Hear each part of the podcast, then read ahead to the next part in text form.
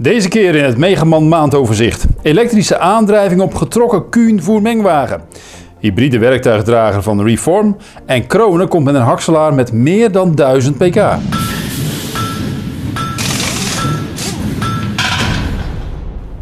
Racing Agri heeft samen met Motrak Industries een elektrische aandrijving ontwikkeld voor een getrokken Kuhn Profile 24.2 DL voermengwagen. De voermengwagen is voorzien van een elektromotor die de vijzels via een tandwielkast rechtstreeks aandrijft. De stroom komt uit een lithium-ion accu die je via een ingebouwde oplader kunt opladen. Met een app op de smartphone en de afstandsbediening start je het mengproces. Naast brandstofbesparing is het grootste voordeel van deze elektrische aandrijving dat je niet meer gebonden bent aan een trekker met een afterkas. De voermengwagen kun je immers ook achter een showvol of een verrijker hangen, zolang die maar een trekhaak heeft. Racing Agri en Motrak testen het prototype momenteel en hopen eind 2018 een nulserie van vijf machines te bouwen. Op Galabouw presenteerde de Oostenrijkse fabrikant Reform de Metron P48, een op afstand bestuurbare werktuigendrager. Deze machine heeft een hybride aandrijving. Een Kubota benzinemotor drijft een generator aan. De opgewekte elektriciteit gaat naar een accu en een deel van de energie gaat naar de elektrische wielmotoren. Ook het sturen gebeurt elektrisch. De werktuigendrager bedien je met een afstandsbediening die een bereik heeft van maximaal 400 meter. Via een 4,3 inch scherm op de machine zie je de status van de machine en de laadstatus van de accu. Optioneel kun je een camera opbouwen en de beelden daarvan zie je ook terug op het scherm van de afstandsbediening. Het Nederlandse Lely vernieuwt de Lely Vector voerrobot. De voerrobot heeft nu een roestvrijstalen stalen mengkuip en een nieuwe vijzel. Volgens de fabrikant hebben deze onderdelen een langere levensduur dan voorheen. Tegelijkertijd zijn de messen beter verdeeld over de vijzel en draait de vijzel met een meer constante snelheid.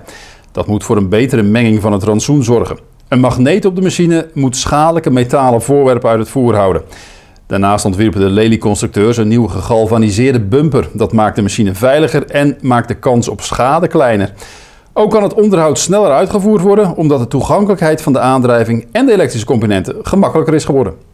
Zometeen beelden van de 1156 pk sterke Krone Big X Hakselaar.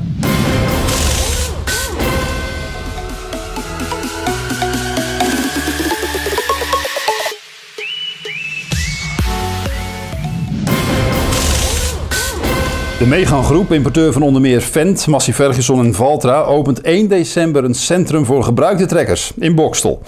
Met Megan Next wil het bedrijf hun dealers ondersteunen om van een grote en vaak high-tech gebruikte trekkers af te komen. Mark van den Heuvel, nu nog directeur van Megan Cultuurtechniek, zal het centrum leiden. Melkmachinefabrikant De Laval heeft een nieuw melkstel bedacht, de Evanza. Hij is voorzien van een tepelvoering patroon. Het verwisselen daarvan gaat drie keer sneller dan het verwisselen van een gangbare tepelvoering. De noviteitencommissie van de Duitse beurs Eurotier kende De Laval Evanza een zilveren medaille toe. Een loopmaaier op accukracht met een werkbreedte van 63 centimeter. Dat wordt de troef van Stiel voor het komende maaiseizoen. De RMA 765V haalt zijn elektriciteit uit de grote rugaccu die een plaats krijgt onder de kap. Op een acculading houdt de machine het 3 uur vol. Op twee kleine accu's een uur. En dan nog dit. Kronen komt met een nieuwe hakselaar in de klasse boven 1000 pk.